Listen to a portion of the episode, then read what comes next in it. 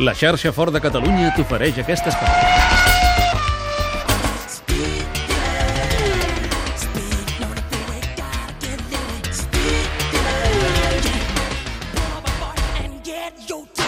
Doncs vinga, va, som i parlem de Fórmula 1 al Tot Gira. Ja ho sabeu que els Mercedes aquesta temporada estan dominant amb puny de ferro aquest Mundial de Fórmula 1. Avui, de nou, pole position per Lewis Hamilton. Tercera pole en quatre curses, la quarta de la seva escuderia, de Mercedes. Amb aquesta pole, a més a més, Hamilton aconsegueix ja 34 pols i superar, per tant, un mite com és Alan Prost. Oriol Rodríguez, què tal? Bona tarda. Bona tarda. Hamilton no té rival, eh, tot i que hem de dir que Red Bull apareix, treu el cap i atenció perquè avui tant Ricciardo com Vettel, els dos eh, pilots de Red Bull, han estat per davant d'un Mercedes, davant de Rosberg. Sí, això és interessant d'analitzar. D'entrada, que Hamilton no té rival a una volta, tant sigui amb sec com amb pluja. Avui ha plogut al circuit de Xangai, per tant, hem tingut els primers entrenaments de la temporada passats eh, completament per aigua. A Malàisia la cosa també va, va ser així. El domini avui jo crec que ha estat encara més gran de, de Lewis Hamilton perquè la distància que ha tret respecte... Em vull fixar amb Rosberg, crec que és el seu company d'equip, a un segon i tres dècimes, tot i que l'aigua sempre ho acostuma a, a alterar tot, eh? Però també la distància respecte a Daniel Ricciardo és més de mig segon. També és interessant veure que Ricciardo és capaç de guanyar a Vettel en aigua, quan en teoria Vettel és un home que quan plou eh, es mou de meravella. Per tant, tenim eh, coses interessants a analitzar i també que Ferrari, vaja, amb aquest nou Marco Matiacci, que substitueix a Stefano Domenicali, que domina aquí, eh, que debuta aquí aquest cap de setmana, doncs continua molt lluny, molt, molt lluny, a gairebé dos segons, que és un autèntic escàndol. Els entrenaments oficials han estat aquest matí al circuit de Shanghai. Repassem com queda la graella sortida, Oriol. Doncs Lewis Hamilton sortirà des de la pole position, comparteix la primera fila de la graella amb Daniel Ricciardo. A veure si demà Ricciardo és capaç de fer una bona sortida i de treure uns punts que també li fan bona falta.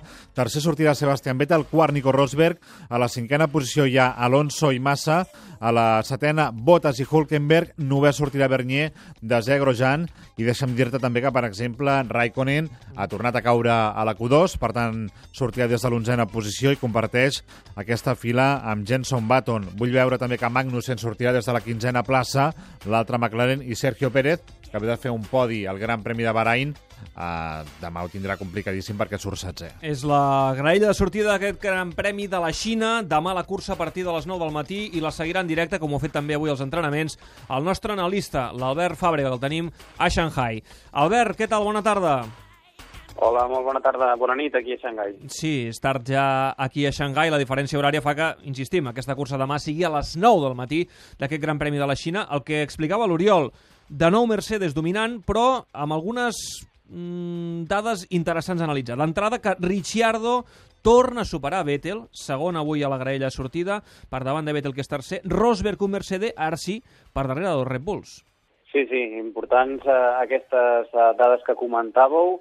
Eh, comencem per Mercedes, doncs, de l'estrella eh, de Stuttgart, que han aconseguit una nova pole. Mm, Jo crec que amb un moment de confiança brutal de Lewis Hamilton, Rosberg ha comès un parell d'errades en aquesta classificació i no ha pogut veure recompensat el seu bon ritme a ocupar, per ocupar la, al costat del seu, del seu company d'equip. La progressió dels Red Bulls, carrera a carrera, cursa a cursa, veiem que Renault s'està espavilant amb el seu treball, els de Milton Keynes que no esmeren eh, recursos en ajudar a la marca francesa en poder estar al 100%, aquí ens comentava ja Rob White que ells creien que era el nivell que els hauria agradat estar al principi de temporada, la primera cursa, i per tant estem parlant que ja Red Bull i sobretot Renault ha escurçat i de quina manera aquesta distància que els separava de Mercedes. Això com es tradueix? Que en un circuit en què ja es comença a fer patent la necessitat d'una bona càrrega aerodinàmica, d'una bona eficiència aerodinàmica, com és la que tenen els Red Bull, de tots és sabut aquí a la grella, que són més eh, i millors que els seus rivals aerodinàmicament parlant, i per tant anem veient com aquesta eh, distància es va escurçant. De totes maneres, això és inapel·lable,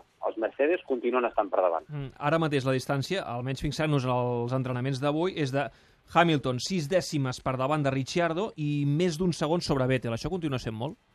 Uh, continua sent molt, el que passa que, com ho deia l'Oriol, uh, quan hi ha l'aigua en pista, quan les condicions són de moll, i sobretot quan surten a pista en moll, però en condicions i amb reclatges de sec, perquè la cursa de demà, totes les previsions diuen que serà uh, sobre sec, eh, fa que els resultats eh, siguin tan dispars i tan separats i tan eh, lluny de lo que seria normalment si les condicions fossin de sec. Per tant, no podem extrapolar massa el que hem vist avui a sobre de la pista d'aquí a Xangai en quines són les condicions reals de cada monoplaça i sobretot de cada pilot. Però sí, destacable el que dèieu, el de Richardo, que una altra vegada torna a estar per davant, de Sebastián Vettel i aquesta vegada sense cap problema per part del pilot alemany. Al final ha hagut de fer la genoflexió al final d'aquesta classificació, dient que Ricciardo ho estava fent molt bé, que estava en un molt bon moment i que estava aprofitant molt bé l'oportunitat que li estaven donant eh, en l'equip de liderat per Christian Horner i per Aaron Newey, que per cert avui ha fet campanya, s'han anat a veure GT, s'han anat a veure a Silverstone les 6 hores de resistència ah, amb mira. Mark Webber. Mm. Eh, mira, uh, parlant de Ricciardo i de Vettel, uh, en quatre curses, en tres ocasions Ricciardo està per davant als entrenaments oficials de Vettel i només en una ocasió Vettel està per davant de, de Ricciardo. Mm. Això és així uh, i també deixa'm comentar-te que de cara a demà aquesta cursa que, que en teoria ha de ser en sec, veurem un Ferrari, un motor Ferrari, vaja, des de la cinquena posició i com per darrere Massa, Bottas i Hulkenberg amb un motor Mercedes intentaran atacar com sigui, eh, sobretot al ritme de cursa de, de, de les primeres voltes, no? De veure què pot passar en un circuit amb una recta llarguíssima de, de més d'un quilòmetre, on aquí el motor Mercedes doncs, ha, ha de prevaldre per sobre de, dels motors Ferrari i Vettel, que li comença a pujar la mosca al nas, si és Ricciardo, perquè Ricciardo, el problema que ha tingut és que Austràlia el desqualifiquen, per tant aquí no, no puntua i també després ha d'abandonar a, a Malàisia per culpa d'un problema amb el seu monoplaça i tampoc puntua. Mm, si no, ja començaria a superar a, a Vettel a la classificació amb força punts i això, Albert, uh, ja sabem que el pilot alemany no, no li agrada gaire. Eh?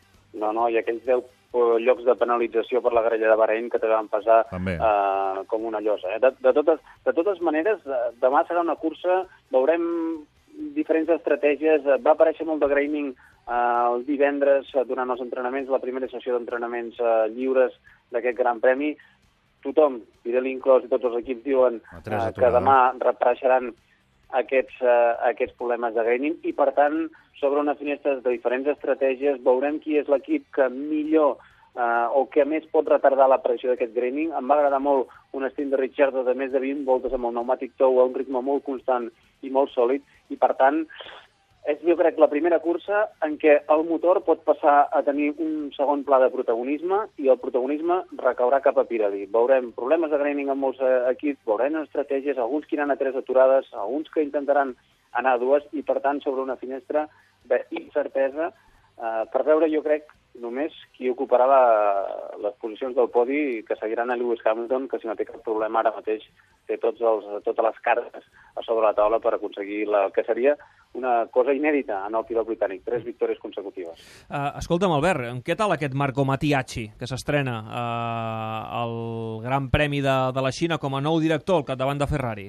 Doncs, home, una, una mica perdut, eh? El vam veure sí? el primer dia, va, desembar va desembarcar sense dir res a ningú, sense fer cap roda de premsa, amb les seves ulleres fosques, primera penalització, primera assenyalada dit de tothom, on va per aquí el paddock plovent o amb fred, com està fent amb ulleres fosques a l'Obriatore, amb el walkie-talkie a la mà, amb una carpeta, amb un bolígraf, que no sabia on ben bé posar-se ni situar-se dins del box quan hi va haver aquests problemes amb Kimi Raikkonen.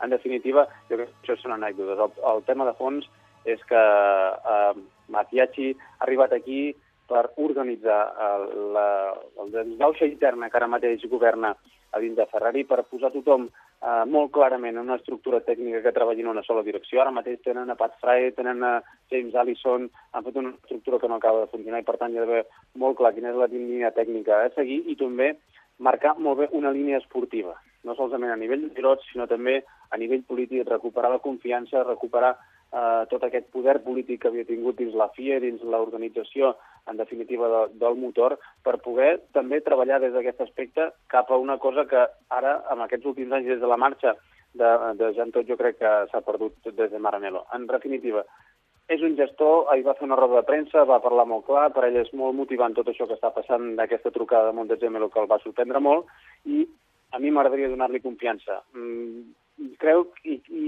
podria dir que ve de la mateixa origen que va venir Uh, Flavio Briatore en, en, en els seus inicis a la Fórmula 1, sense experiència, venia dels Estats Units d'obrir botigues de roba i tothom va dir on tenim amb aquest Playboy italià. Jo crec que hem de donar temps i confiança per veure com es desenvoluparà en, en la Fórmula 1. El que és obvi és que Ferrari, en teoria, aquest cap de setmana no pot lluitar per la victòria perquè que la gent es tregui de cap, a no ser que, evidentment, els primers pilots tinguin problemes i s'hagin d'anar retirant, no?